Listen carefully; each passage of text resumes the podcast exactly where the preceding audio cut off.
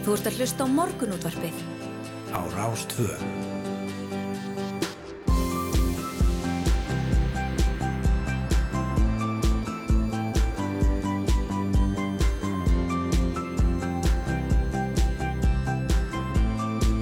Morgunútvarpið Á Rástvö. Góðan daginn, Rúna Robertsson og Felix Bergson stýra morgunúttarpinu í dag, 50 dagur í dag, 20. og 1. júli. Já, komið sæl. Ljúfu morgun í Reykjavík. Já, er það ekki bara? Jú, mjög. Já, Það er smér. ekta, ekta júli bara. Ekta júli, ja, svona, tólstíðin og, og ljúft að koma út. Já, þessi þau sem ekki átt að segja þessu, þetta er svona einan húsa brandara frá því í gær og maður meðaltal að setja í júli. Já, það er 10 koma eitthvað, þegar- í kringum 11 gráðunar. Já, já, En þarna, e, það myndur nú margir taka því fagnandi í annar staðar að koma í slíkan, slíkan svala. já, nákvæmlega. eins og málist að það miskist það er svo mikið hliti í Skandinavinu Danmörku það ekki Jú, það er vist. Þetta er, þetta er, eh, mennur verðin að sveitna á skallan og þar heldur betur. nákvæmlega Mm. en við ætlum að koma við við í dag Já, heldur betur. Eh, Við kannski förum í, í, í hérna, förum að yfir þetta á svona hundafaði. já, við ætlum til dæmis að ræða um breytingar á leifstöð og það er tengist Schengen samkofinlæginu, það er, er mikið lög að fara í gegnum alþingi, Bryndís Haraldsdóttir Já, ætlar að koma hérna þingmaður sjálfstæðsflokkins og formaður alls hér á mentabálunendar, hún ætlar að koma og segja okkur betur frá þessu hér á eftir. Emitt, svo ringjum við í, í Ingu Sæland, formann Flokks Fólksins sem að skrifaði pistil í ger uh, og uh, var að mótmála þeim áformum um að stopna já, eða að þarf að rukka í jargung og, og meira til, meira það á ettir. talar um mikla skattheimtu þarna. Já, auka skattheimtu emitt og við verðum svolítið í þessari umræðu því að uh, við ætlum að líka tala við Runolf Ólafsson, frangandastur FIB en það voru harðarðað greinar hann á fib.is í gær varðandi þetta allt saman. Nákvæmlega, hann er einmitt á fossíðu fréttablasins Já. ræða um rafbílavæðinguna og, og breyttan tekistofn ríkisjóðs fyrir vikið. Já. þau gengi vist miklu miklu betur en menn þorða að vona þessi rafbílavæðing hér á land Já, Svo ætlum við að heyra í henni E, og er á leiðinni austur eins og öll svo fjölskylda verða undirbúa bræðsluna en hún er líka búin að tjá sig aðeins um rocktónleikana miklu, rock í Reykjavík sem Já. verða í svona þarna í haust Já, já, en eins og við fengum vita hérna í, í morgúldarfinn þegar þið tilkynnt þetta hjá okkur að, að þá var þetta hugsað til framtíða þó að það var í hafnafyrði núna og að þá var bara því að laugatarsöllin er bara ekki tilbúin Já, akkurat, já. Þannig að þeir að reyna, ef þetta gengur vel, að vera ánfram með þessa tónleika og þá vantarlega í höllinni bara. Akkurat, En- en- þjóðarhöllin mikla Já, en þetta, þetta skapar möguleikan á þessari umræðu og ekki reykja ekki hafnafyrði. Nákvæmlega, mjög skemmtilegt, mjög Já. skemmtilegt og, hérna, og svo ætlum við að, að, heyra mærutugum Já, já, það eru bæjarháttíðir sem að eh, eru vinstalar á sömrinu á Íslandi og hafa marga hverjar verið í, í leiði í dvala í tvö ára út af COVID þannig að eh, núna er bara nóg að gera að fylgja þeim eftir. Já. og já, við viljum að foröldast um mæru daga í lokþáttar en eh, ef að kíkja aðeins á, á blöð dagsins eh, við fóum, erum með þrjú í hendina, hend, við hendina núna, það er frettablaði, morgunblaði og bændablaði Bændablaðið er alltaf mikilvægast, það er, það er mikil mynd af, af nauti og eiganda þess en uh, árangur þegar Jóns Arnar Ólafssonar og Edduki Ævarsdóttur í ný, á, á Nýjabæ undir Eyjafjöllum hefur vakið aðtikli en þau hefur átt ein, eina þingstu og vakstamestu naugripi landsins við síðustu ár. Og það er meðal annars að þakka nautinu Vísi sem er úr hópi fyrsta árgangs Aberdeen Angus gripa sem fluttur voru inn sem fóstuvísar frá Nóri og það er mynd af þeim Vísi og Jón Erni sem eru mestu mátar eins og sést á myndinni. eh, en þráttur að vera stærða skeppna er Vísir við sérstaklega geðgóður og kelin með er annað. Ég myndi ekki kela við Vísi ég skal Nei. bara alveg segja þér það. Það er af þessari mynd að hætt á því að verða undir. Það er hætt á því að það verður það myndi endi ekki vel. En svo er merkileg frétt hérna um að, að lampægi uh, sé að, að það sé verið að selja lamphaga Já, græmætisframlegandan og það er svona mikið aukin, aukin áhugi fjárfesta á matværaframlustu segja þeir hér í, í, í áfórsíðu bandablæsins en það er nú ekki síður uh, landið sem að verist vera spennandi fyrir þennan. Í dalnum. Já, þetta er fastegna fyrirtæki sem er að kaupa við skulum nú vona að matvælaframlegslan verði ekki undir í því öllu saman. Já, að lokum. kemur í ljós. Kemur í ljós, kemur í ljós en það eru, þetta eru miljardar, þetta eru tæpir, þetta eru rúmi fjórum miljardar En það er mikil framtíð í mitt í innlendi mandaraframleyslu og hugsa út í það sko all aðfengur orðum svo dýr þess að það er svo dýrt að flytja Nákvæmlega. og annars lít og svo erum við með þannan svakalega ferðamannströym sko. Já, þannig að það að geta reynd að halda matvælaverði eitthvað hér niðri hér heima er náttúrulega bara gríðarlega mikilvægt það. Morgunblæði í dag á, á forsíðu eru tvær fréttir hliði hlið sem að svona svolítið núla okkur aðra út þannig. En Jæja. það segir frá hérna að spari, spari fyrir að bera neikvæða vexti en innlánsvextir bankan hafa tekið að hækka í takti stýrifasta hækkanir Seðlabankans. Verbolgan um, mælist hins vegar 8,8% í júni, svo raunvextir eru neikvæðir þrátt fyrir hækkandi innlánsvexti og svo fréttir lítir fréttir hliðina sem að vísar í frétt inn í blæðinu eh, Snorri Jakobsson hjá Jakobsson Capital tilur að hækkandi vakstastig muni hafa jákvæð áhrif á afkomi viðskiptabankan mm. meðan, meðan brennir upp bara fyrir. Það er alveg bara Æ, þetta er náttúrulega ekki þetta er náttúrulega ekki hægt sko. þetta er bara ég, ég, ég, maður á ekki orð. Þetta er alltaf skulu þeir nú lenda standandi. Það er nú bara hann þannig er nú þannig, en, en Þóruður Gunnarsson Hægfrængur segir í samtalið morgurblæði varandi spari fyrir það leiði til að verja það. Að, að, þetta er erfið staða, það er aldrei auðvelt að eiga við verðbólgu sem nálgast 10% það er ekki þægileg staða fyrir neitt, segir hann.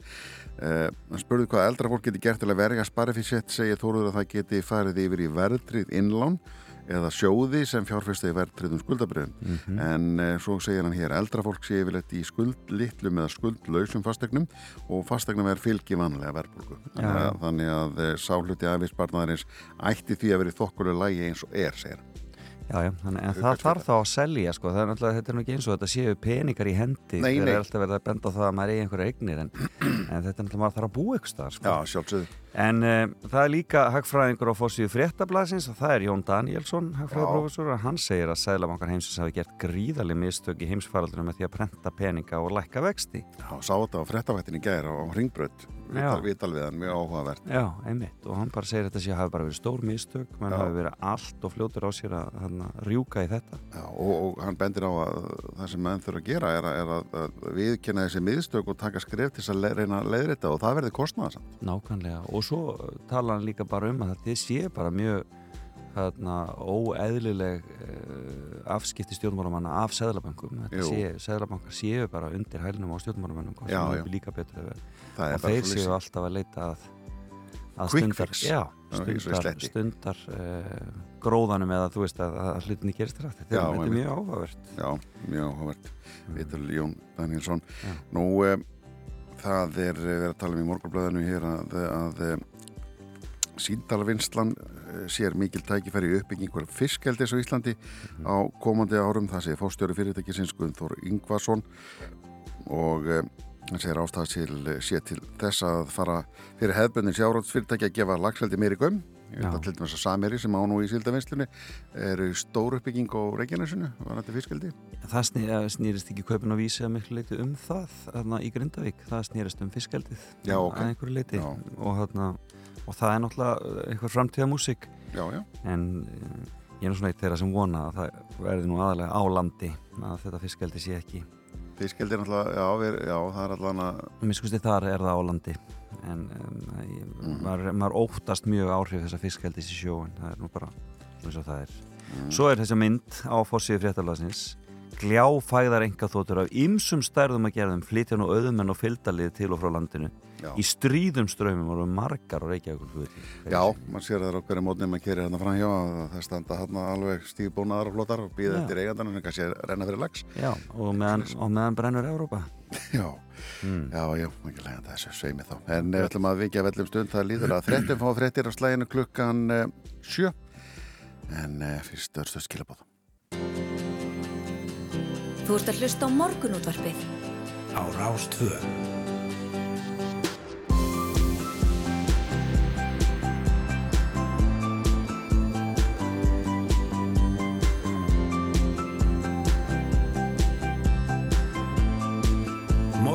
Morgunútvarpið á Rástfö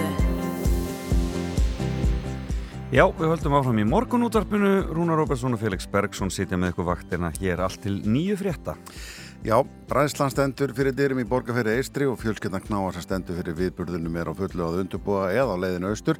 Einn þeirra er aldrei fjóla áskeirstóttir en hún hefur verið líka tjá sig omberlega umræðum konur og, og rock tónlist eftir að fyrstu auðlýsingur fyrir rock í Reykjavík tónleikan í haust fór að byrtast og ætlum að slá á þráðan til aldrei þessar fjólu í lok þáttar. Já, svo er það bæjarháttíðir sem eru þetta er, er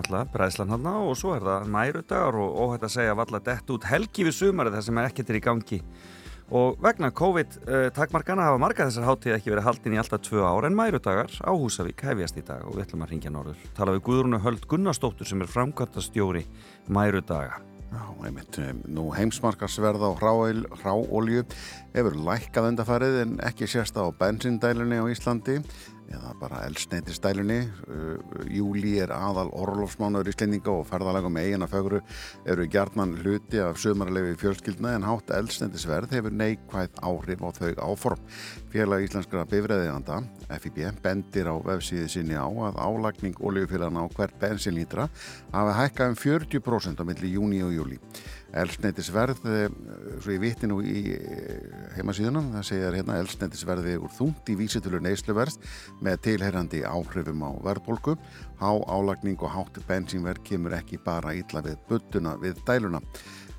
Aukin verðbólka dregur úr verðgildi peninga og eigur vexti og kostnað vegna verðtrynginga lána, segir hún við FIB. Rúnur Ólafsson, frangatustur FIB, kemur til okkar eftir átta til að ræða þetta og hugmyndir um veg tolla á jarðgangna skatta. Já, já, við höldum áfram að ræða þetta alveg út í hitt e, þá til við erum bláir í ætlum líka heyra inn í Ingus Sæland sem að skrifaði pistil í morgunblæði í gæðir þar sem hún mótmælir þessum áformum Sigurðar Inga Jóhannssonar innviðar á þeirra um að stopna ofnverðlutafélag um uppbyggingu og rekstur samgöngu innviða og helsta hlutverk félagsins verður einmitt að innheimta notkunna gjöld bæða vegum og jarðgöngum. Já og það er semst Inga og fleiri sem hafa gert átöðsendi þessar uh, gjaldtöku við ætlum að heyra Ingu hér og eftir. Gerum það og uh, svo er fyrir að samþykja fyrstu heildrannu lauginum landamæri og landamæri eftirlit á Íslandi í haust samkvæmt frétt morgublasir en það tókst ekki á síðasta þingi í kjölfarið verða umfásmeklar breytinga gerðar á keflaguflúilli En hvað fælst í þessu og hverjar verða þessa breytingar? Bryndís Haraldsdóttir, formaðar allsherjar og mentamálanemndar alltingis og þingmaður sjálfstæðisflokksins kemur í morgun kaffi. Já, hana, það, er, það er heilmikið mál. Við vorum ekki að tala um gúrku, þetta, er, þetta, er, þetta hljómar ekki þannig. Sko. Nei, og uh, samt áhugavert með, uh, með hérna, og spyrjum Bryndísi út í það. Þetta náðist ekki fyrir, fyrir hérna, sömafrið þingmanna eða sömafrið þings og uh, fyrir lokalþingis og verið tekið upp í haust og það er búið að pressa á að þetta þurfa að fara í gegn eins rætt og mögulegt er mm. og tímaraminn sem við erum að horfa á er í haust eða í vor ég finnst það eitthvað mjög skrítin að það ég gera strax. rætt, já, hversu rætt það er. Já. en líka, já, maður er alltaf svolítið undvöndi þegar svona mikilvæg mál þegar þau eru ekki tilbúin þegar það kemur að þinglókum það sé ekki, þannig að menn sé ekki til, var, til með þetta Nei, það var ástæðan fyrir að það var ekki fyrir. En það er náttúrulega, en svo náttúrulega er auðvitað þarf náttúrulega að leifa umræðu sko, og þannig að þurfa náttúrulega að geta þetta þarf að fara inn í nefndirnar og geta fengið einhverja, einhverja efnislega umræðu sko. já, já. það er leiðis En fram á, fram á vor það, svona... það er að tala mikið. Já, það er að tala mikið um þetta. En já, já, þetta er það sem við ætlum að bjóða upp á í dag og fyrsta lagið á hún Hafdís Huld sem er svo tónlistamæði sem hefur náttúrulega bestum árangrið þegar kemur að, að, að spílunum á Spotify. Svona líka. Að e, barnaplatan hannar öll lögin þar eru í erfstu sætunum yfirleitt e, og flakkar svona milli bara vikna milli sæta en, en það er náttúrulega Svo gott að vera í barnamúsikinni Það er náttúrulega málið, en vandamálið er kannski það að, að hérna, ég svo Bubi Mortens bent á það í gær að e, hún fær ekki mikla tekjur af þessu þess að hún sandi ekki lögin, þetta er náttúrulega barnagælur. Og uh, flutningsresturinn flutningsrétturinn hérna, og eða grei, greiðsla fyrir hann fyrir að miklu leiti til FIH Já. Þetta sagði, sagði Böppi í gær sérlega ekki dýrin kæfti, ég þekk ekki þessa reglur en, en uh, ég veit að Hafdís var greitt fyrir þessa spilun. Hjá okkur, þetta er Action Man.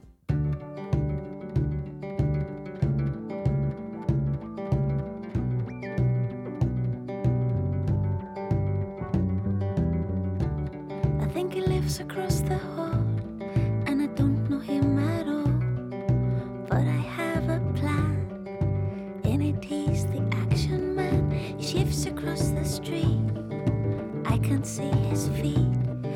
save me anytime from this little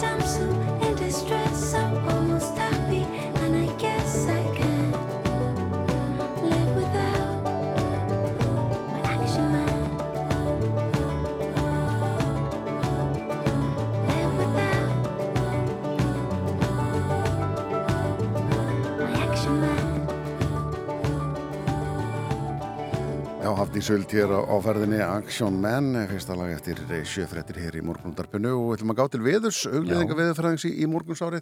Já, Í dag fer dál til lægðar drag austur með söðurströndinni en því fylgir dál til rigning eða súldsunnan og vestarlands fram eftir degi. Vinda verða þó almennt hægir en setnipartin má síðan rekna með skúrum víða um land og þokumóðu suðvestan til í kvöld og nótt. Ánfram hægir vindar og víða skúrir um helgina, engum þá síðdegis, hiti yfirleitt 10-15 stig að deginum.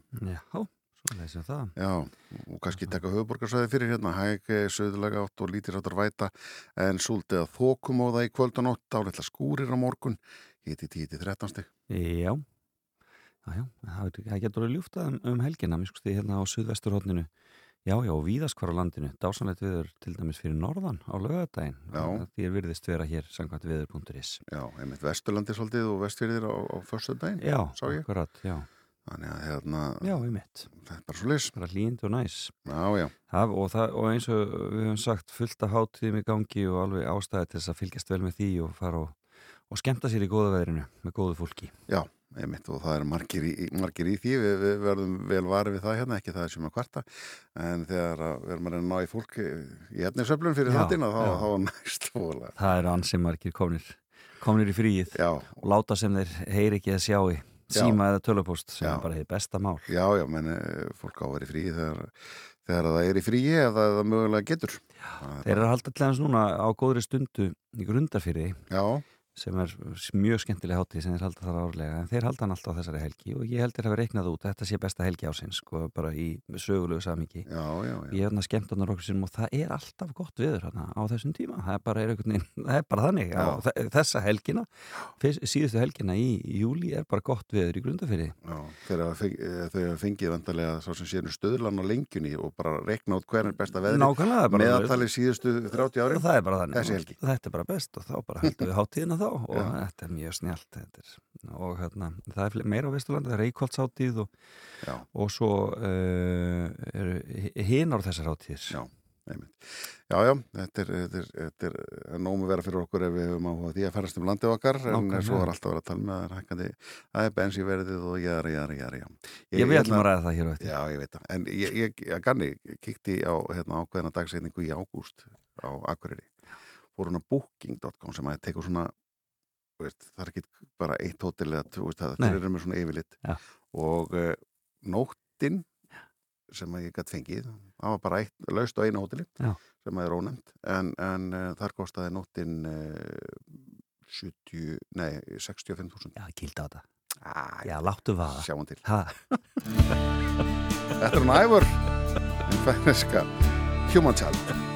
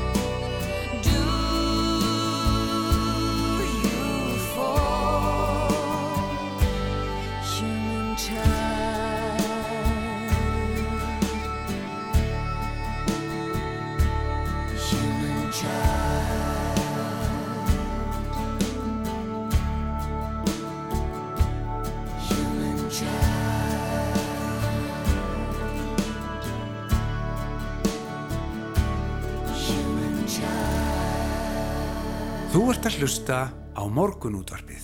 Já, og við erum hérna, eh, Rúnar Róbertsson og eh, Felix Bergsson, eh, bara svona að koma okkur að staði í daginn, það er óvægt að segja það lítið, blöðin og fréttameðla og nóg framöndan hjá okkur í dag hér og eftir ætlum við að til að mynda að ræða fyrstu heildrænu lögin um landamæri og landamæri eftirlit á Íslandi Já. Og hún kemur til okkur og Bryndís Haraldsdóttir formar allserjar og mentamálanemndar alltingis og þingmaður sjálfstæðarflokksins verður hérna um halvóttaleitið. Emitt, hún er bara á leiðin í hús Hún er bara leiðin í hús. eh, en á nú- meðan kíkjum við í blöðin Já, ég sé hérna leiðenda fréttin inn, á, inn í mókanum, Já. síðu 6. Mingur rústaði kríuvarpin á Seltjarnesi. Nei, Jú, en, en uh, það hvar nánast þess að dögg fyrir sólu fyrir um hálfu mánuði úti í Suðurinesi þar sem marpið hefur einna mest sérst varla kríja og aðeins örfáur ungar. Framan á sumri báru kríunar síli í unga og þá var útlitið mjög gott. Eins þykjast menn sjá tölverði afföll á ungum anda, gæsa og tjalda og uh, talaði við Jón Hjaltarsson Seltrytning sem leikur golf á Nesvelli og hann segist sjá afleggingarnar af þessu og þær séu alveg skelvilegar eh, og eh, ég segja þær að, að, að þessi búið að, að eh, ná tveimur fullótum minkum og eh, það eru minkagildurur í gróttu eh, en þetta er, já, þeir vilja meina þetta að, að minkurinn hafi gert svona mikið nóskunda Já. í, í öllu varpinu. Já, Já, hérna er talandum, já, það er mikill músagangur, það er, það er önnur frétt, hún er í fréttablaðinu. Það er óvinni mikill músagangur í ár í, borg, í borgarlandinu. Já, eh, og, eh, og hann segir þann Guðmundróli Skeving sem er meintir reyðir að kvörtunum svo að segja rigni yfir hann. Og líklegast hafa hann þetta tvennu útskýrðan, það hefur verið kalt og blöytt og það hjálpar hagamúsin ekki. Og auk þess hefur verið lítið æti fyrir hann að hafa utan dýra mhm, og þar veldur mestu að lítið er á skortinu fyrir hann að geta það að minna trjágeitungum en vanalega og um, þetta bara snýst um snýst náttúrulega bara um að það er bara búið á kallt og blöytt og þarna e, þannig að það er það er, það er það er nóg að gera hjá meindýra eigðum í þessu. En e, en, en, en þarna e, en e, það sýnir bara hvað þessi skortir eru mikilvæg okkur er Já. ítla við þetta og finnst þetta erfitt eitthvað en Já. þetta er bara svo stór hluti þetta er, eh, já, já og öllu lífi ríkinu og bara visskerfinu öllu, öllu Vistkerfinu. á, á jörðinni þetta bara skiptir öllu máli. Já, en uh, við höldum áfram hér uh, Átnarsson og GTRN eða næsta leikin hjá okkur í tónlistinni og þetta heitir Sagt. Er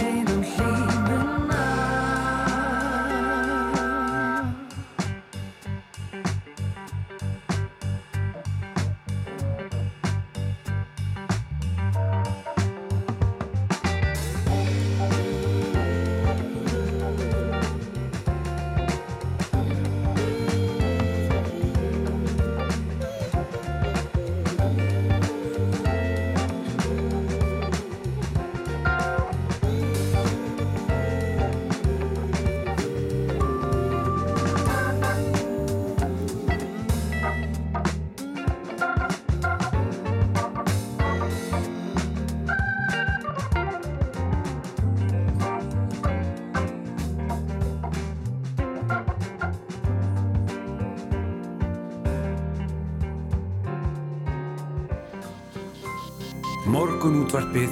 Á Rástföð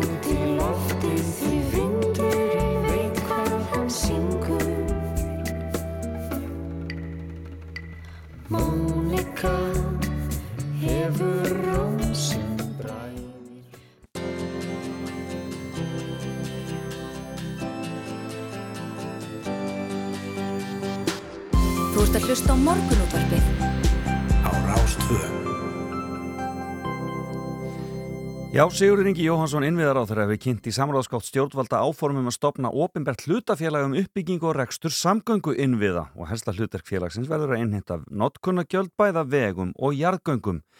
Margar hafa gert aðtöðasendur í það gjaldtöku sem fyrst var nefnd að rukka fyrir notkun og jarðgöngum eins og til dæmis formaður um, umhverjus og samgöngunendar sem vil ganga lengra og rukka veggjöld við höfuborkina.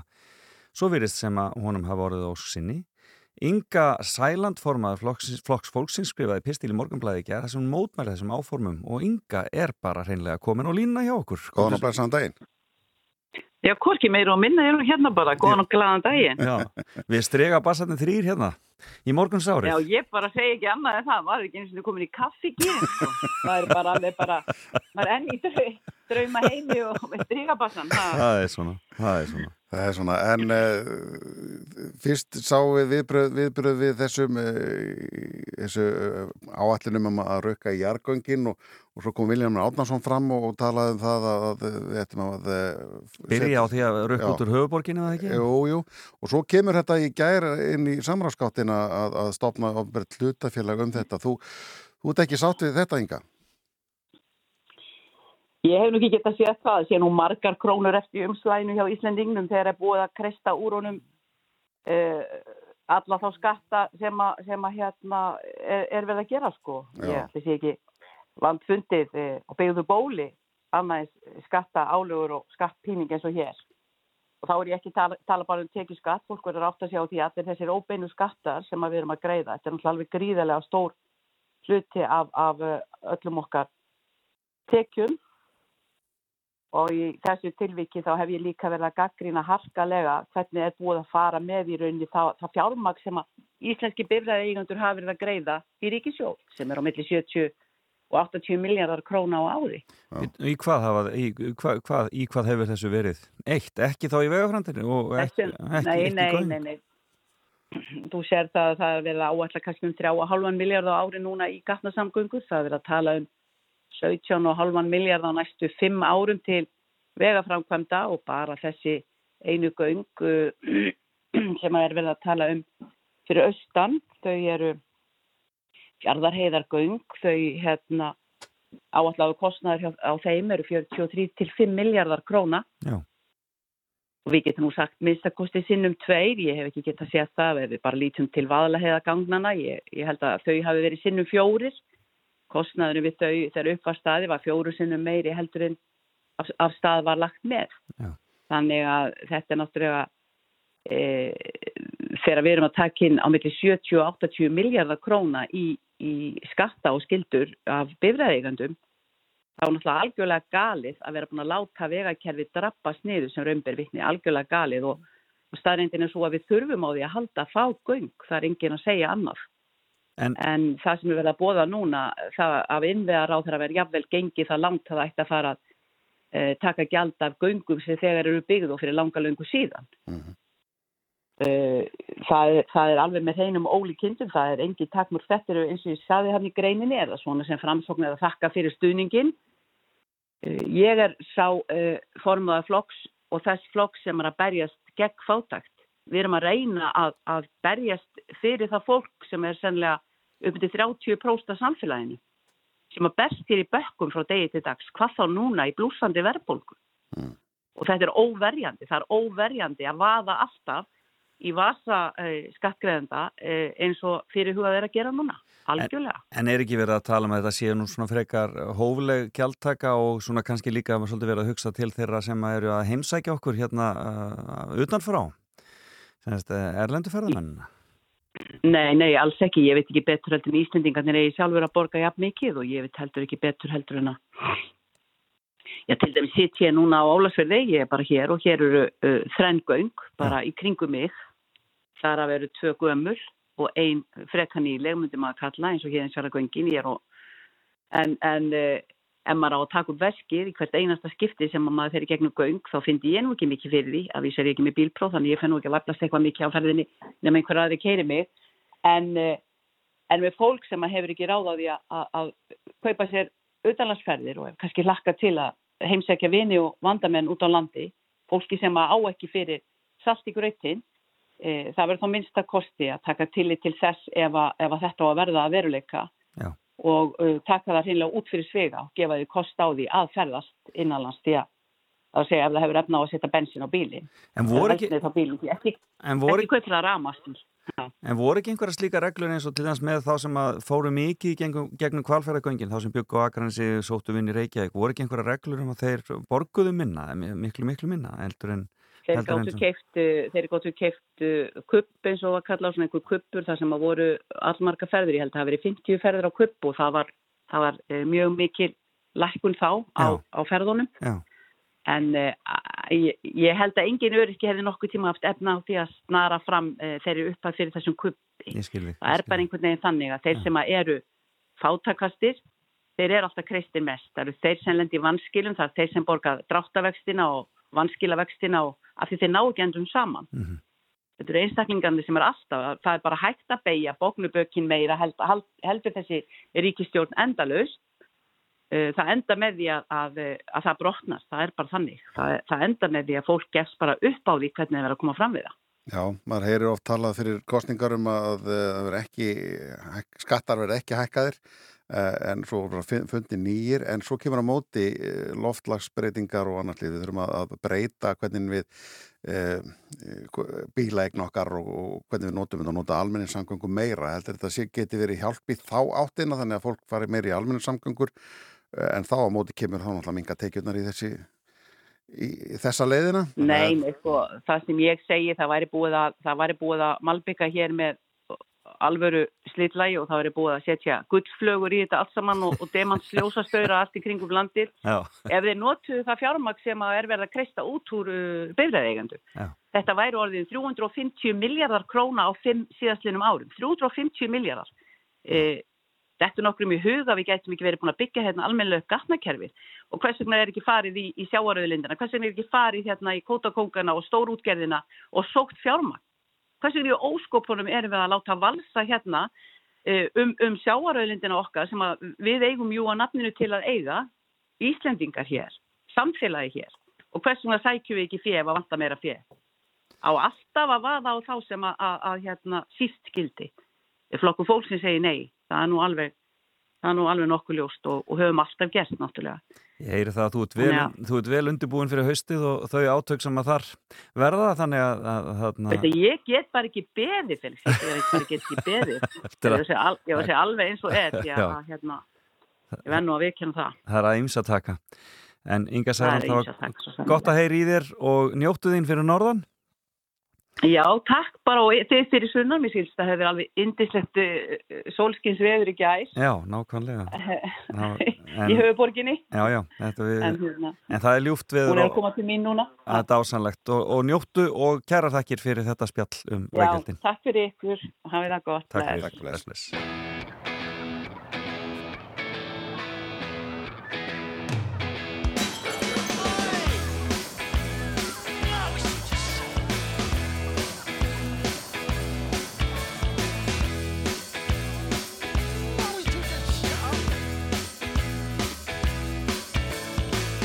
Confidence is a preference for the habitual voyeur of what is known as.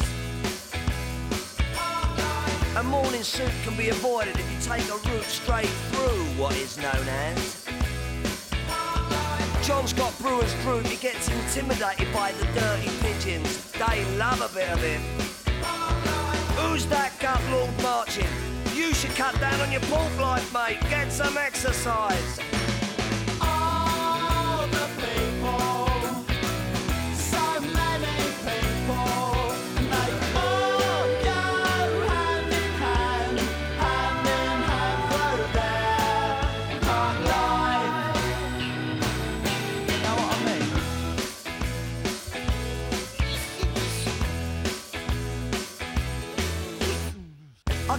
I want, except on Wednesdays when I get rudely awakened by the dustman.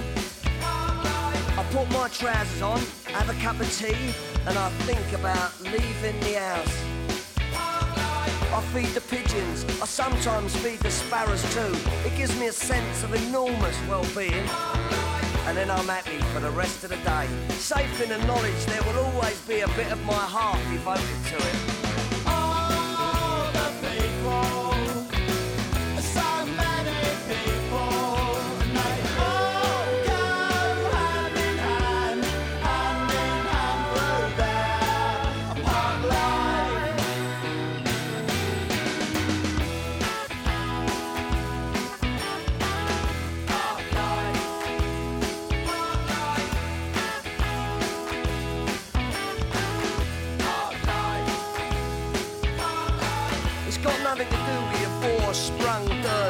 you know. And it's not about you joggers who go round,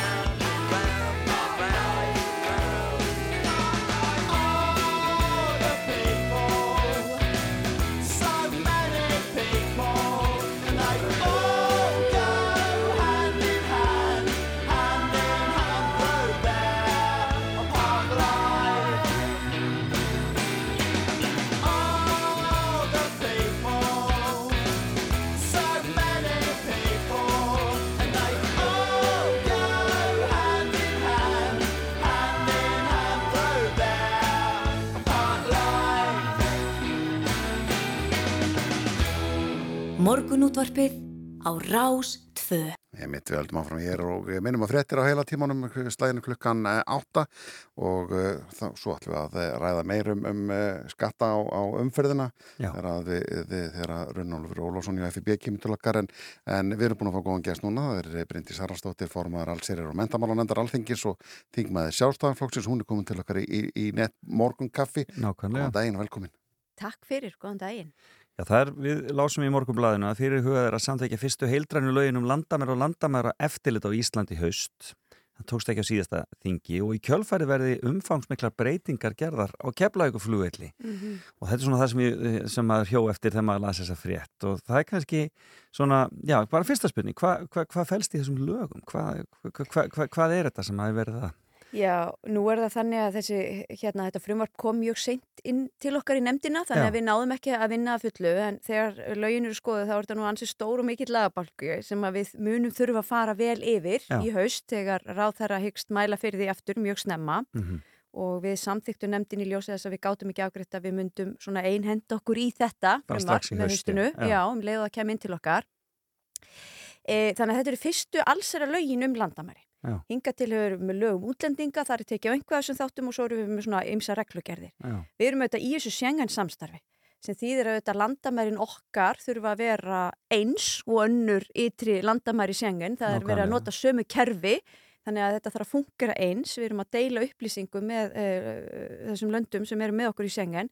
Þannig að þetta þarf allt saman að vinna saman. og er ekki lög um það á Íslandi Það eru, jú, það er lögum upplýsingakerfi sjengen og það eru ákveðna reglugerðir og, og, og annað, en nú eru við svona að taka þetta bara heildstætt saman. Þetta er Já. líka svona einhver laga uh, tiltekt í leiðinni, sko. Nákvæmlega, já. En við auðvitað þekkjum það öll að það er rosalega þægilegt að ferðast innan sjengen. Það er aðeins minna þægilegt þegar maður þarf að ferðast út, fyrir sjengen. Já, já, nákvæmlega. Og ég er nú sjálf hérna eftir að við slítum þingi þá fór ég nú að fund uh, til Bretlands sem eru auðvitað utan. Akkurat. Uh, lendi í Manchester og lendi í langri og mikli röð að komast þar inn og ég hugsaði, oh, er þetta Brexit? Hefur auðvitað ekkert með það að gera því að Breitland hefur auðvitað aldrei verið innan Schengen sko og ennþá meiri hörmungu lendi nú í á Heathrow. Ég mæli eindrið með því að fólk forðist Heathrow-flugvelli eða mögulega getur því það var alveg al algjör hillingur sko. Það er auðvitað fyrst og fremst bara vegna þess að þeir get ekki mannað þess að landamæra stöða sínar og, og hérna, öll þessi eftirlitsbönd og allt það. En ég er ekki að gera ráð fyrir því að, að hérna, leifstöð muni breytast í einhver, einhver svona hýrþur og mar martröð, alls ekki. Nei, en það verða einhverja mikla breytingar og það er kannski það sem maður velti fyrir sér. Hvað þýðir það fyrir okkur Já, ferðamenn eða, eða, eða? ég held að það ætti ekki hafa negin áhrif á okkur Íslendinga. Nei, Ég held að það sé nú kannski stuttasvarið í Já. þessu. Þetta er fyrst og fremst til, gert til þess að þessi ytri landamæri okkar, að, að þessi samþætt hérna, eh, sagt, upplýsingagjöf og, og við erum kannski svona smá gamaldags í dag, þú veist, að ef þú ert komið frá þriðja ríki að þá ertu svona svolítið að fá stimpilin en þá í vegabriði, sko. Mhm, mhm. Það er ekki verið að sapna sérstökum upplýsingum um komu og, og dvalartíma fólks en þessi lög gera ráð fyrir því að svo sé þannig að það sé svona Já. meira upplýsingakerfi. Meira það sem við þekkjum til dæmis þegar við förum til bandaríkjana líka rólega að ferast til bandaríkjana Já, því það. eru langar raðir og það er jafnvel fingrafar og, og þú þarft að fylla inn eitthvað áður uh, desta eða hvað þetta heitir. Og það er verið að tala um sambærilegt kerfi hjá Schengen og þannig að það í rauninni þetta er að hafa meira áhrif á, á fólk sem er að koma utan EES-svæðisins. Já. Ég ger ráð fyrir því að við munum ennþá geta notað okkar frábæra bláa vegabref og, og setta í hérna Í skanna bara? í skanna og, og lappað inn bara óáreitt. Já. Þannig að þetta ætti kannski ekki að þýða fjölgun á starfsmönnum eða? E, þetta gæti því fjölgun á starfsmönnum en þetta er auðvitað líka hluta af þessu snýstum að uh, svona nútímavæða okkur þannig að einmitt hérna kannski gamla uh, tollara starfið að yfirheyra einhvern um í hvaða erindagjörnum viðkomandi er og viðkomandi starfar og svona ætti nú kannski svona vera svolítið ítt til hliðar og einhver sjálfvirkni væðinga ætti að taka yfir í þeim efnum en það er þess að fjárfestningar í tölvukerfum og, og hérna Já. E, vantalega einhverjum pliðum og öðru við erum fann að þekka þetta þegar við skönnum og það er tekið mynd og svona. Þannig að það er alltaf verið að sjálfvirkni væða þetta eins og vestlanir og, og, og flest annað. En auðvitað á bakveit allt sem mann eru mjög reyndir aðilar í landamæravörslu sem að þurfa að stýra því.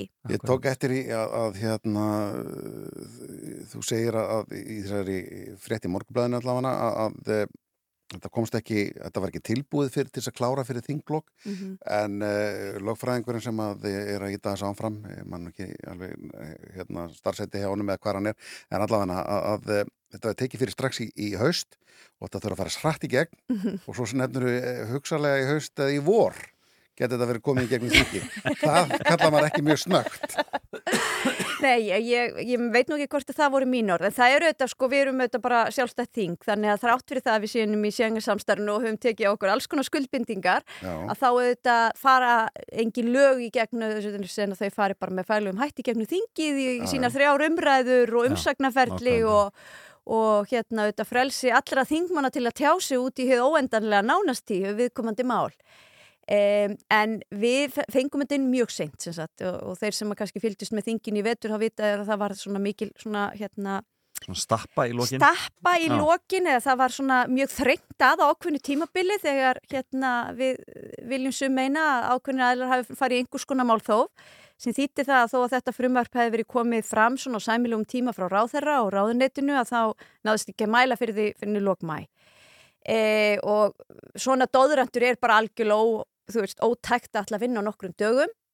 En við samt sem að við bókuðum nefndin út af því við áttum okkur á mikilvægunu, við áttum okkur á því þegar við erum í samstarfi fullt af þjóðum og þetta er búið að fara í gegnum mikið ferli. Og það e, stendur til að innleiða þetta kerfi og það var talað um sem sagt næstu áramót. Ef ég hef skilið þetta rétt að þá er þetta frestast eins og stundum gerist líka hjá fleiri þjóðum, við erum kannski ekki eina þjóðin sem getur lendið í svona vandræðum.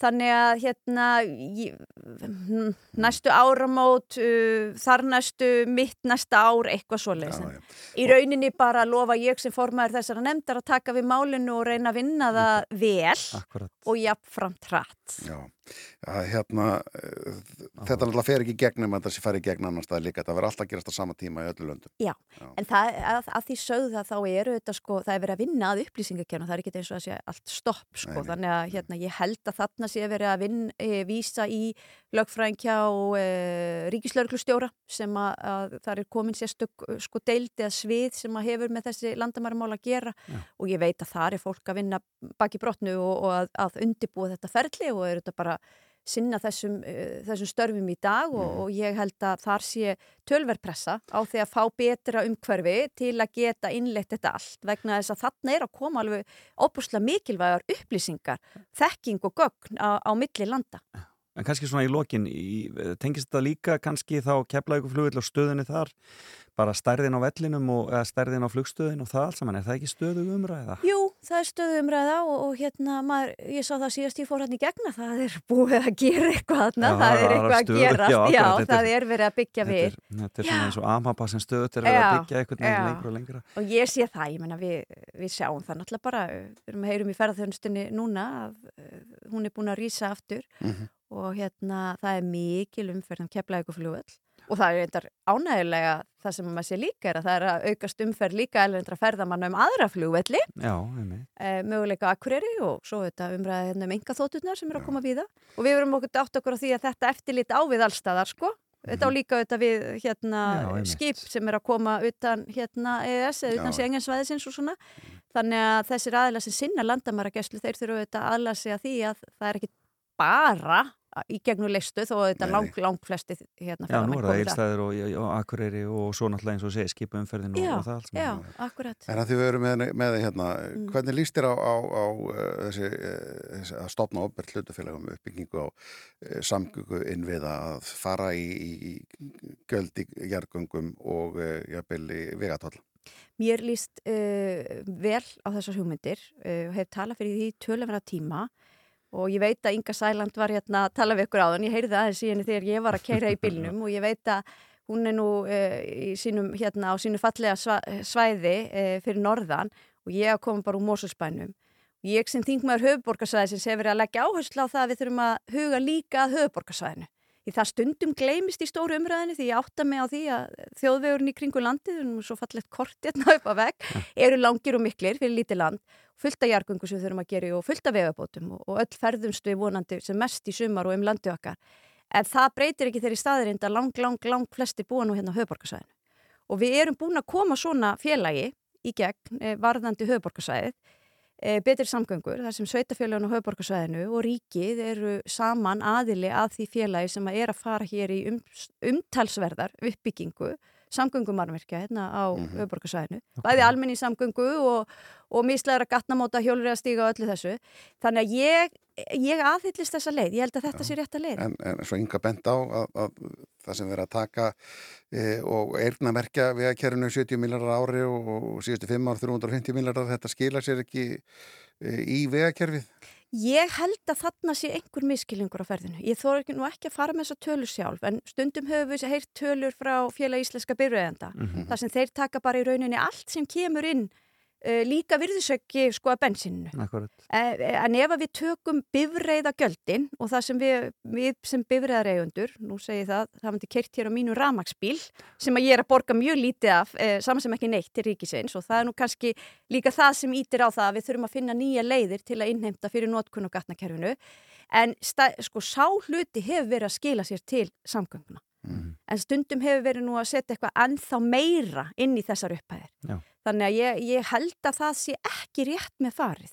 Að það er gæld sem verður að taka beint af bifreiðegundum fyrir það að eiga bifreið og, og, og það, það sem greitt er að e, skattin af bensinu sem slíku sé ekki að fara í samgöngur. Því við sjáum auðvitað að þetta er bara svo ofbáðslega stór og hérna mikill, e, mikill liður í fjárlegum hjá okkur, samgöngumáli.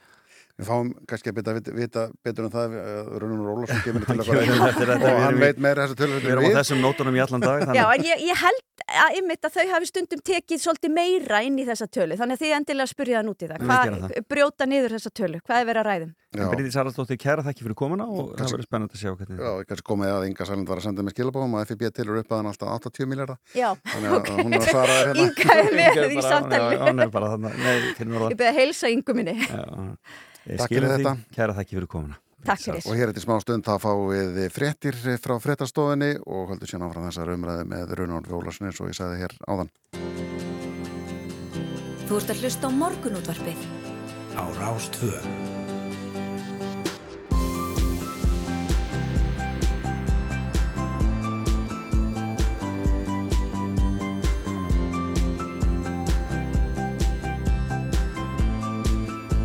Rástvö. Morgunútvarpið Á Rástvö. Já, heldum áfram hér í morgunútvarpinu eftir uh, ágætis frétta, frétta tíma þannig Já, að já. hérna tókum okkur smá pásu meðan, fengum okkur kaffi og, Og hlustuðum ekkert á fréttin. Það vil nótt verða, maður mist hér að frétta Já, akkurat. En hérna á eftir allir við að fjalla um bæjarháttíðir aðeins um mærudagana og heyra á bræðslinu og líka tala um konur í rocki Já. og þessa umræðu sem hefur skapast eftir að auglýsingin fyrir rocki Reykjavík byrtist. Já, já. Eh, heyrum í henni Guðrún Huld Gunnarsdóttur á Húsavík og svo eh, Aldísi Fjólu Ásgeisdóttur. Ég mitt og hér eftir smá stundan þá uh, ætlum við að ræða við Rúnur Ólafsson, frangatastjóra FIB, ætlum að halda áfram með þessar, þessar umræðum vegatóll og jargangna skatta og, allan þennan pakka hér eftir smá stund en fyrst þá fáum við svo eitt löflitt lag og þetta kemur nú heldur betur úr gullkistunni. Þetta eru mannakott, aldrei á seint. Almennilegt.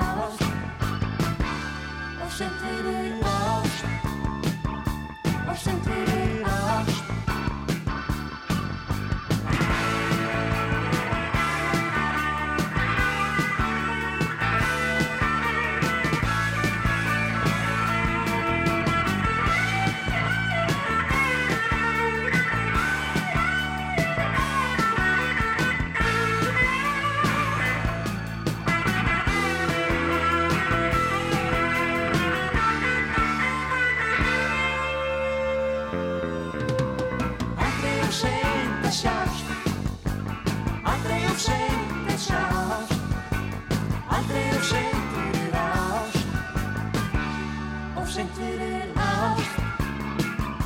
Og seint fyrir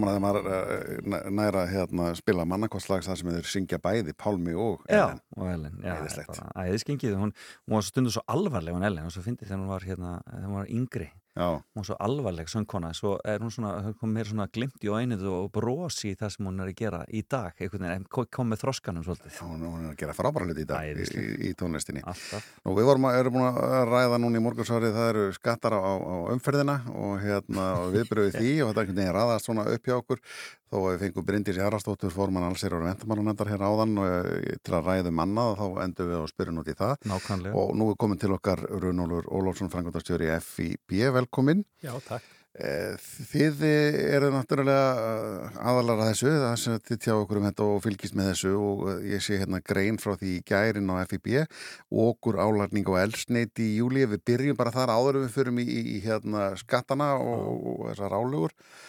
Er það málið að, að heimsmarkasverðið hefur lækkað en þarf ekki að skila sér? Já, ekki hér á landi.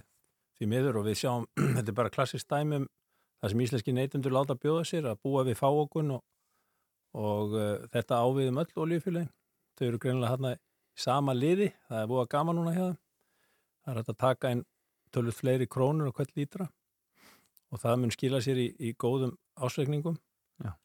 En uh, það vantar aðhaldi frá markanum og þessi fákeppni, hún skadar neytendur illilega. Já. og uh, svo fara menna allt í að tala um byrðastöðu eða þeir eru keift á raungum tíma.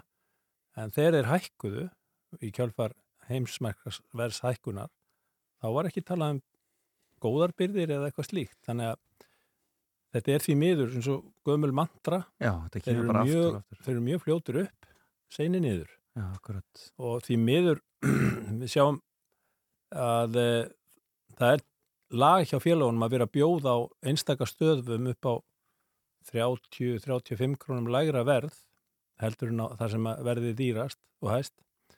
Þannig að e, eðlilega álagning er miklu nær þar og við erum hann til að mynda með samanburðatölu við danska markaðin Eh, í Danmörku er borgað svipað eða meira í skatt á hverjum bensinlítra með það sem við erum að borga álagningi hér er umtalsesharri og við getum skilið eitthvað af því að því að við erum jú í dreifbílu landu með lítinn markað.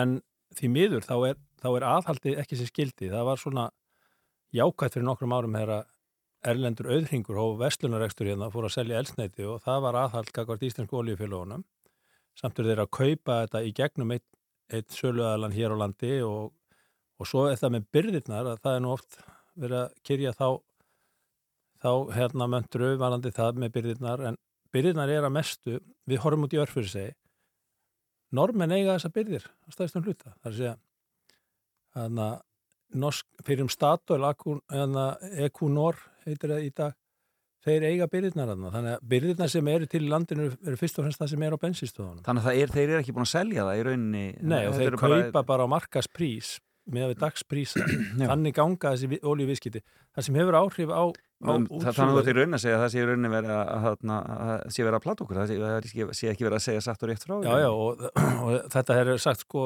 fyrir mörgum árum þá sagði mér alltaf, þetta er svo flókin útreikningur. Hann er ekkert flókin. Mhm. Það eru ákveðna starrið sem hafa áhrif á útsöluverð til neytild á Íslandi. Það er heimsmarkasverðið, það er gengi bandarækjadal skakast íslensku krónunni, Mhm. það er álagning olíufélagana og allir skattarnir sem á með því sem að við tökum á hverju, hverju sinni frá dælunni. Því að það erum við sem borgum eftir því. Já, og það sem við erum að gera, við erum að að mónitora frá degi til dags, bara verðið á heimsmarkaði, verðið og við bendum líka á þarna að er, er þessum aðlum að markaði ekki treystandi til þess að bjóða neytendum upp á samkynnsætt verð, þarf að fara í einhvers konar verðlags eftirlit aftur, Nákvæmlega. eins og var hérna fyrir áratugum, sem engin vill í rauninni sjá, en, en við þekkjum svona kerfi, við bendum að ná til dæmis eins og í Belgíu, þá, þá er svona sett fram verðþak, þú mátt ekki fara með álagninguna yfir þetta og síðan keppa menn á verðum þar langt undir. Já.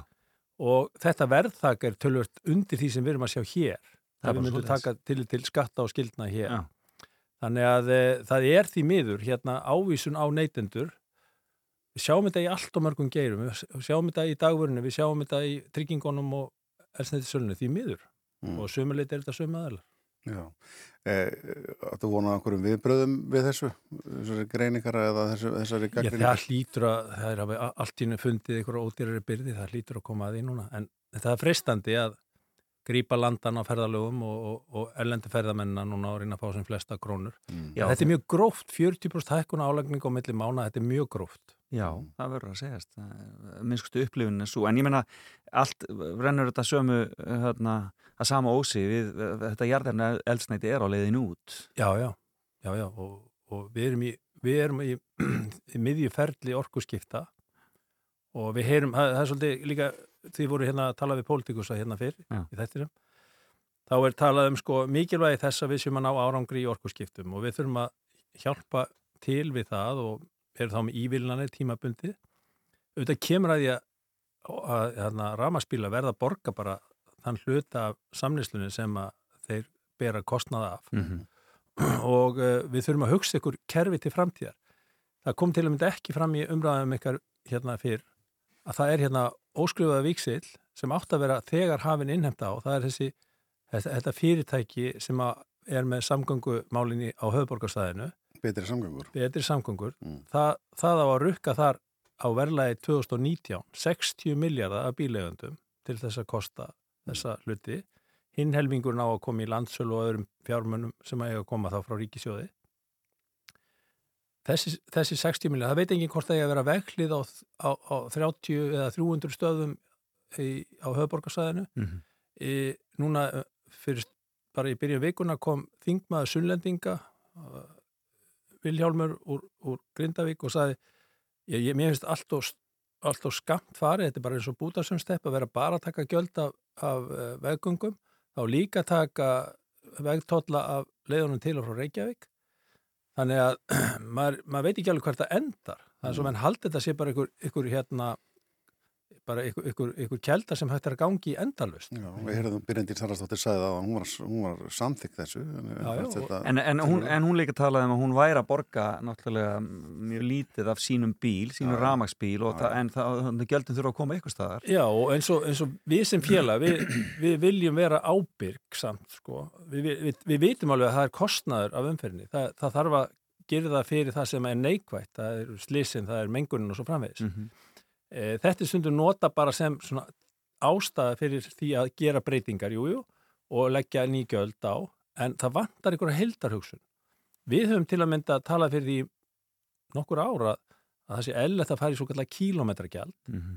og eins og tökum sem dæmi bara innheimtuna sem er núna vaðlaheðin, undir vaðlaheðina eða það sem var í kvalferinum þá skiptir ekki máli hvort að bílinn sem ferðar í gegn er 900 kíló 15 ára gamall eða, eða er tæplega 3 tonn og, og hérna með stóran sprengirhefil og kostar 30 miljónir Mm. það borgast það er sama gjald, Já. sama rúlugjald Gagvart, ef við hugsaum okkur að það væri komið tollasystemi kringum alla, allt höfuborgarstæði, fólk hefur verið að svona svolítið sumt fólk hefur neðst til að flýja í, í nágrannarsveitafélina því að það hefur ekki möguleika að kaupa eignir, sérstaklega að það komið fleiri börn hérna á höfuborgarstæðinu og þess vegna hefur það séð sér séð, séð tækifæri í að byrja nágrannarsveitafélögum en sæki þjónust eða vinnu inn á höfuborgarstæði á núna að fara að refsa þessu fólki aukalega e, það er alltaf verið að tala um að þetta verði allt annað með borgarlínu en hún er, það er búið að fresta henni e, á sama tíma hafa menn verið að skera henni þjónusti á strætó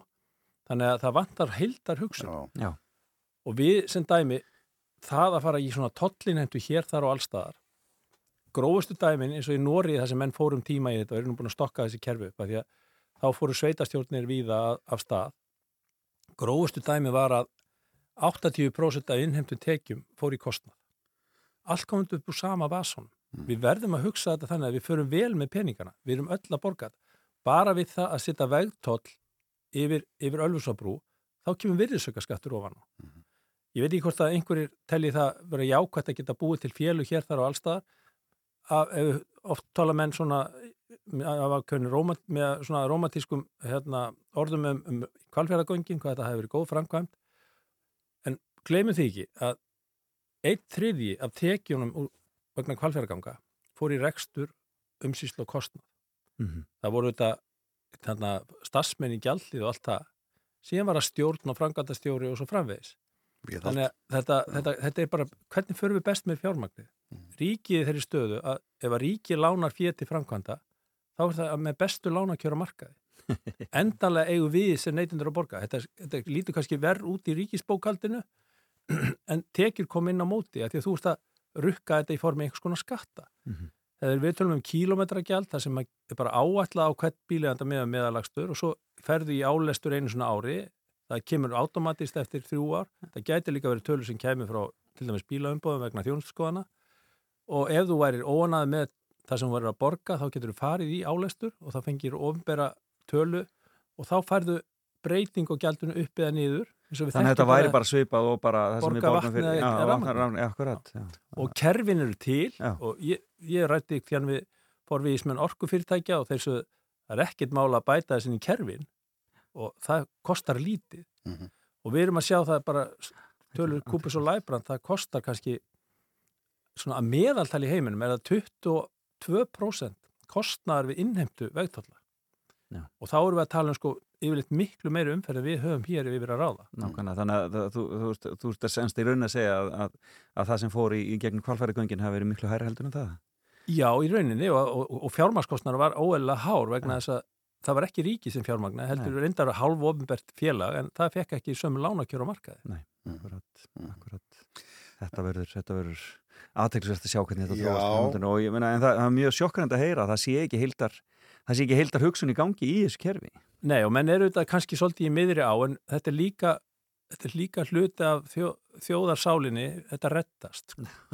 þetta, en við verðum aðeins að hugsa fram í tíma. Við erum, við erum á umbreytingaskeiði, við erum í orkuskiptum, það eru mjög spennandi hlutir að gerast varandi tæknina í kringu samgöngur og, og við verðum, verðum þá að hugsa aðeins lengra en bara til morgundagsins. En er þetta ekki líka spurning svolítið um smákonga þarna, kerfið og að, að við getum einhvern veginn ekki bara komist að niðurstöð og bara unnið eftir því heldur þarf alltaf næsta ríkisvöldin að fara að breyta öllu aftur skilur það það þegar menn veit alltaf það er betur. því miður hluta vandamálinu og maður kannski gerði sér vonur um að menn væru farnir í langtíma hugsun hérna fyrir nokkru missurum en, en það fer aftur í þetta og svo verður þetta líka kjördamakerfið líka skemma fyrir okkur. Já.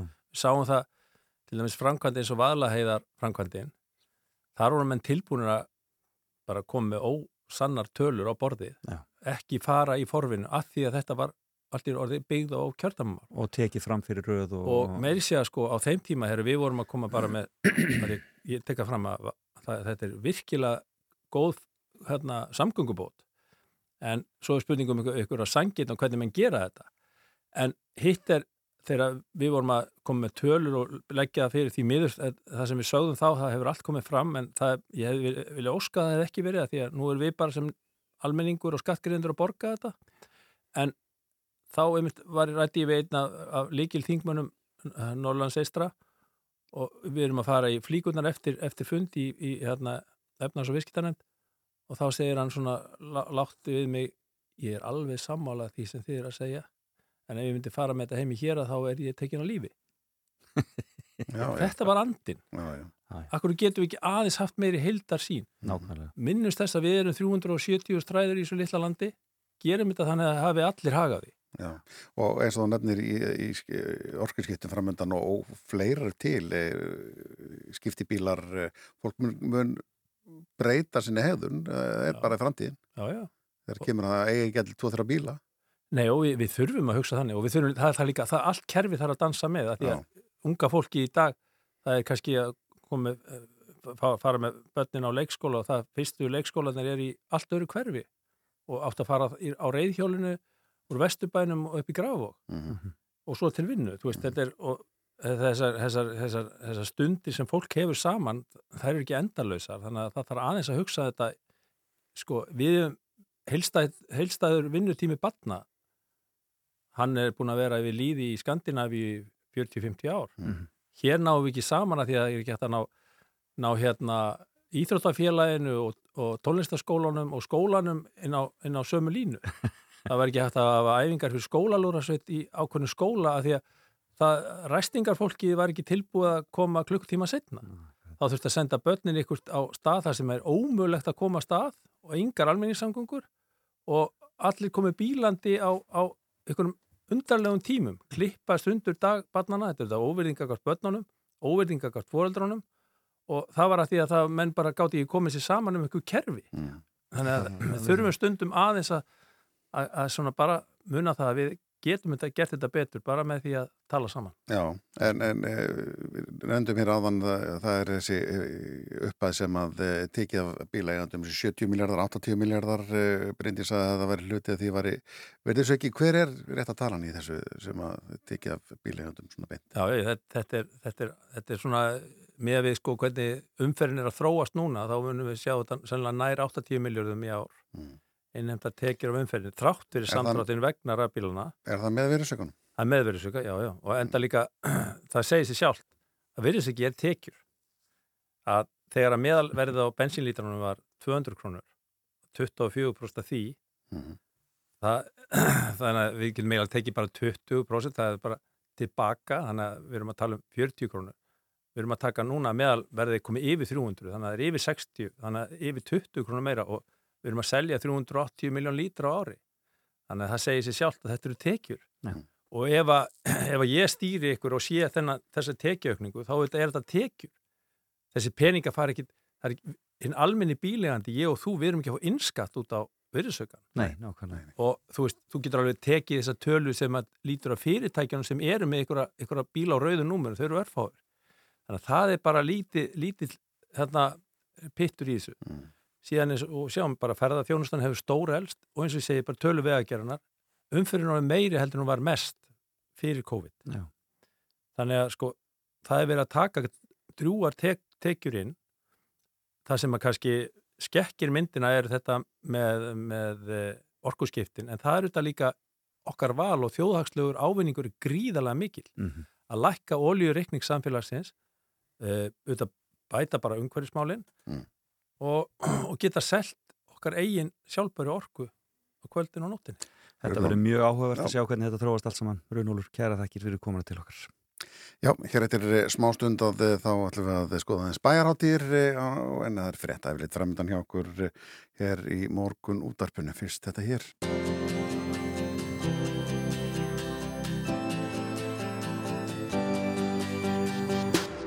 Þú ert að hlusta á morgunútvarpið á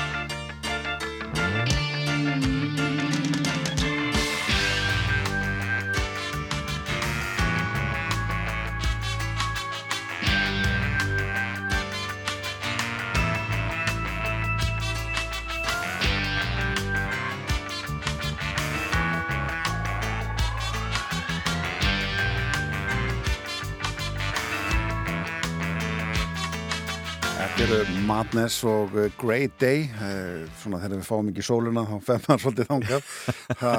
Það er bara svolítið svolítið en við ætlum að skipta um gýr hér í morgunúttarpinu svona uh, síðasta hálftíman að, að ræða bæjarháttíður og það er nóg að þeim ef við sveðum um landið og einn þeirra er núna um helginu til dæmis eða byrjar í dag, það er Mærudagar á Húsavík og við erum konum með frangværtastjóra Mærudag á línuna hjá okkur. Hún heitir Guðrún Huld Gunnarsdóttir, góðan daginn Já, góðan daginn. Hvað segir þau? Loksins eftir hvað, tvö ár? Eða hvað, hvað þurftuð þið að fresta þessu? Uh, er þetta ekki fyrsta Herðu, hátíðinu tvö ár eða þrjú? Hvernig var þetta?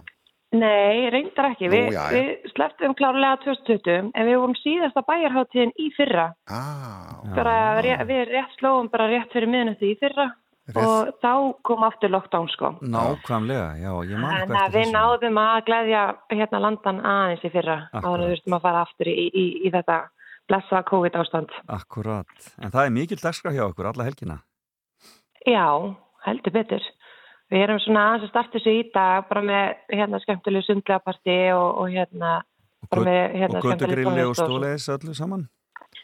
Já, það verður á morgun, það sem bara hérna íbúar morgun. bara í sínum hverfum. Mhm. Já, þá hérna er þið í svona litakverfum, þannig að það er verið að setja bæin í hátíða búning með að hérna skreita bæin eftir vissum hverfa litum Mhm. í rauninni. Og svo er svona aðal hátíðin e, er á lögadaginn, þar sem verðum bara með mikla skemmtilega bara batna dasgrá, þú veist bæði fróðurinnu braut og hérna krakkarhlaup og alls konar svoleiðis og verðum við með svona hátíða dasgrá á bryggjunni Já. og þá fóðum við bara aldrei skemmtilega skemmtikrafta náttúrulega að koma og, og skemmta ungum sem öldnum sko, Já, raunin bara allan daginn. frábært. Og uh, eru þið að taka á móti mörgum gestum þessa helgina? Eru þið fann að sjá fólk byrja að koma í bæinn? Já, já, það er alltaf streyma í bæin og við, það eru tvö hérna, tjaldstæði e, sem eru opinn. Það er alltaf opið sérstaklega eða svona auka tjaldstæði hérna við framhaldsskólan bara út af þessari helgi. Þannig að, jú, jú, fólk er alveg farið að streyma í bæin og, og hérna, taka ploss og, og hérna og bara hlakka til helgarna, sko. En er þetta ekki, er ekki, er þetta ekki næstuð of mikið þegar, uh, þarna, er, uh, túrismin er byrjaður svona á fullum krafti aftur? Er þetta ekki meira lagi bara? Er, ræður bærin við þetta hreinlega, segi ég.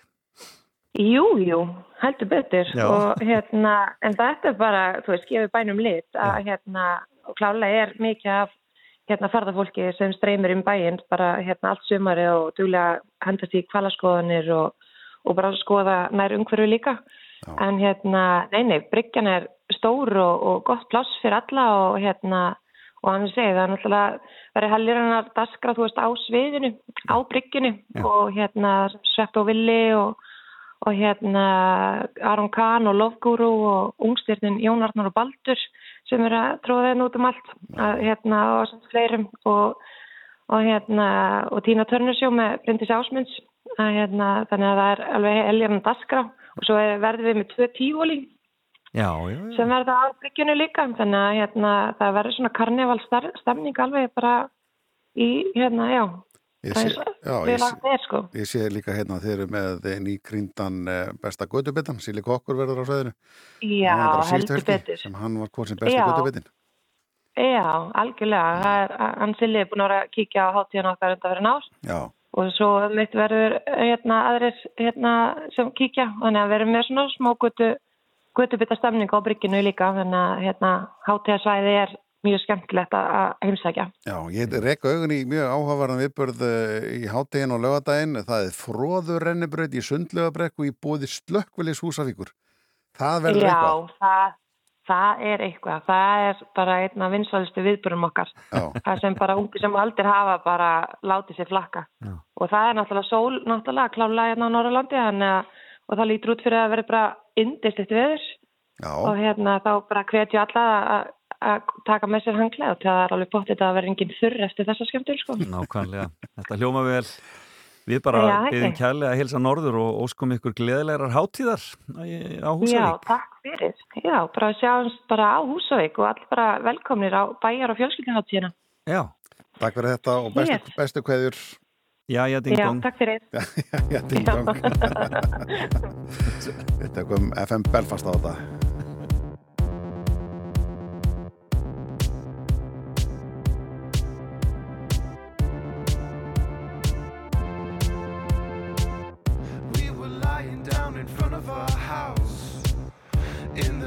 time.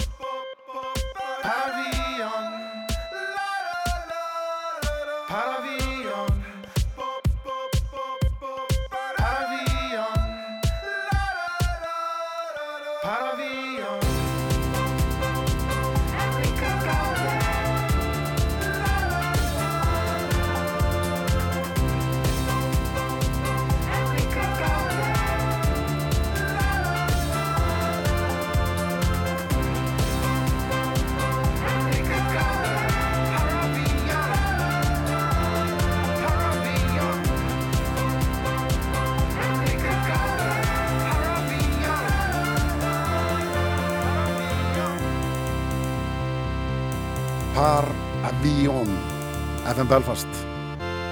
Klikk ekki. Frábærir. Já Eða frábær, réttar að sagt. Já, já Svo það sé nú alveg á reynu Því þarna er nú e- eitt bandið sem hefur konu líka innan borðs. Já, já, nákvæmlega. Bræðslan stendur fyrir dyrum í Borgafyrir Eistri eh, núna um helgina eh, og eh, svo hérna, það er alltaf fullu. Já. og næsti viðmælandaka tengist þar fjölskylduböndum og kemur að þessari bræðslu og öðru slíku. Og vantalega undirbúa það allt saman en hefur líka verið í umræðinu núna eh, tjá þessu um, um, um þe- þá, þessa rockhátti sem verður í haust rocki í, í Reykjavík. Já, eins og, eða, eins og Salka Sól sagði Kokk í Reykjavík mm. Aldís Fjóla Borgfjörð, Áskestóttir Komdu sæl og blessuð Sælir og blessaðir. Hvar eru við að ná þér? Ertu á Akureyri, er það ekki? Herru, ég er á Akureyri eh, eh, í tómi húsi hjá Magna bróðum mínum og, og hérna á leiðinni á bræðslu. Já, þetta, þú hefur fengið, þú hefur fengið að, að henda þér þar í, í, í, í nótt eða hvað? Já, já, já, það er gott að njóta þagnarinnar áður en að ég fer heim af því það er alveg 30 pluss manns heima hjá mér um, um bræðsluna. sko. Og, og mikið fjör í gangi. En þú skrifaði skemmtilega, já, skrifaði skemmtilega fæsli þar sem þú sagðist vera úr viðburðar fjölskyldum. Mér fannst það mjög, hérna, mér fannst það mjög skemmtileg, skemmtileg lýsing á ykkur fjölskyldunni. En hérna, Já, við, en það er eftir að taka þessa, þessa umræðu í sambandi við eða ræða þetta mál í sambandi við Rokki Reykjavík tónleikana í haust. Já og ekki bara, ekki bara þessa tónleika því að þetta er náttúrulega ekkert, þetta er ekkert ný umræða svo sem, uh, það er búið að tala um marga tónleika uh, síðustu ára líka um þetta og, og, og ég er svona aðeins að velta upp umræðinni að sko taka á því plani að þú veist við erum ekki að rífast yfir þessu, þetta er ekki að fara ekki vörn yfir þessu því að þetta er ekki bara konur fyrir að vera duglegri heldur líka bara að þetta er svolítið í menningun okkar sko. Já, þetta er svolítið í menningunni að, að konur e- eða stelpur aðlega þú veist ég ólst upp í það, að það hérna, að, að strákar fóru beint í bílskúsbönd og, og fóru upp á svið og meðan að stelpur þurfti alltaf að læra ef að við ætlum að fara eitthvað sko. og Já, við, við þurftum að læra að fara í tónlist sko. Nákvæmlega, akkurat, fara í tónlistaskóla og læra á, á almenna hljóðfæri áður já, en farið væri á sviði. Hver, hver var að stýra Já. því? Hver var að stýra því að, að þið þurftu að fara þessar leið? Ég spyr bara. Það er, bara svona nokkuð mikið svona umhverfið og, og, og bara hvernig er talað við stelpur og stráka. Strákar eru, þú veist, kvartvísir og þess að þar og, og bara já, drífðu í þessu en stelpur, þú þarft að fara aðeins svona varlega af því að stelpur þurfa og það er eiginlega bara svona staðarind. Stelpur eru með einhvern veginn svona í hausnum á sér að þær þurfa að vera fullkomnar til þess að fara upp á svið. Mhm. Þú mátt ekki mistakast upp á sviði, sko. Nei, það, akkurat. þá, þá er fjandinlaus. Já, en er það ekki líka, en, en, en- er, upplifir, upplifa konur að þær séu gaggrínni, að þær séu gang- gaggríndar meira ef slíkt er, ef þeim, ef þeim mistekst? Ég velti þessu fyrir mér Já. til dæmis eins og með Reykjavíkudætur sem að einmitt bara kýldu svolítið á þetta, fóru bara af stað, heldur bara, þú veist, rappkvöld og byrjuðu bara að prófa sig áfram og fá strax bara, þú veist, að þær séu bara ömulegi rapparar, bara beint í hausin. Já, já. Já, já. Það, þú veist, nú, nú tala ég bara út frá mér og, og ég ætla ekki alhafa fyrir allar konur en, en eins og til dæmis bara hvernig dúkkulísuna gerði þetta, þú veist, 15 ára þá bara hendur sér, þær sér út, þetta, út í þetta og, og veist, það er ekkit margar hljómsveitir sem þóra því og, og hérna og þóra aðeim þetta taka og þetta, þetta snýst svona því þetta kemur svo mikið í að konur þurfa að vera dugleiri en það þarf líka að hleypa okkur inn í rockið til þess að við getum verið dugleiri Já, af því að maður getur alveg endalaust haft rödd og, og, og gert hluti en, en þetta er þetta með þú veist eins og, eins og ég sagði í greininni að þú veist eins og í mentaskóla þá voru, þá voru söngkonur alltaf með vesen. Við vorum alltaf með leðileg lög og, og, og, þú veist takk ekki á meðan að þetta er stráka klúburinn sko og, og hérna þá vorum við með svona vesen og leðileg lög og þá fórum við ósálrætt að þú veist finna lög sem strákunum fannst skemmtilega til þess bara að Geta verið með bara. Já, bara og geta verið með með og allt þetta sko. Þannig að þetta er, þetta er við erum gaggrindar meira vil ég segja sko. Og, og við erum svona aðeins svona og ekki bara hjá köllum heldur líka bara fullt af konum og, og, og þetta er einhvern veginn, það er alltaf verið að etja okkur upp á móti hver annar í stundum og, og allt þetta sko. Þannig, að, þannig að þetta er miklu meira mál heldur en einhverjir einu tónleikar. Þetta er bara aðeins að stoppa og svona skoða gráasvæðið í staðin fyrir að fara alltaf í vörnina versus, við, þetta er ekkit við að móti þeim eða eitthvað þess að þar, þetta er bara að taka aðeins samtalið á svona gráasvæðinu Já, og hvort að- og hvort að sem fjölbreyt- gleymist stundum. og hvort að fjölbreytileikin sé ekki bara svolítið mikið skemmtilegri heldur en þessi, þessi þarna, einsleita mynd sem að blasti við okkur þegar að tónleikarnir voru, voru auglistir. Já, ná, nákvæmlega og þú veist, eins og, ég segi, það er fullt af tónleikum sem gera þetta en, en svona plaggatið var svolítið svona það þurfti kannski ekki að stilla upp öllum 60 mönnunum sem, að, sem að voru á tónleikurum líka. Í svartkvítu. sem ég veit alveg að þeir fættu þeir fættu langt eftir á en það er líka málið að, að þú veist, þetta er líka bara pínu blindni sko, þetta er pínu svona þú veist, það, er ekkert verið að fatta þetta, það er ekkert verið að fatta að hérna, já býtu, það er engin kona á þessu, e, þú veist hérna, plakati Það er mjög áhugavert. En það verður að verða konur á bræðslinni, svo sannarlega. það verða vissulega konur á bræðslunni mínir, mínir undirslegu bræðslu bræður hafa nú alltaf haft það svona bak við eira þar sem þeir eiga eina litla systur sem, að, sem að hættir ekki að tala Já.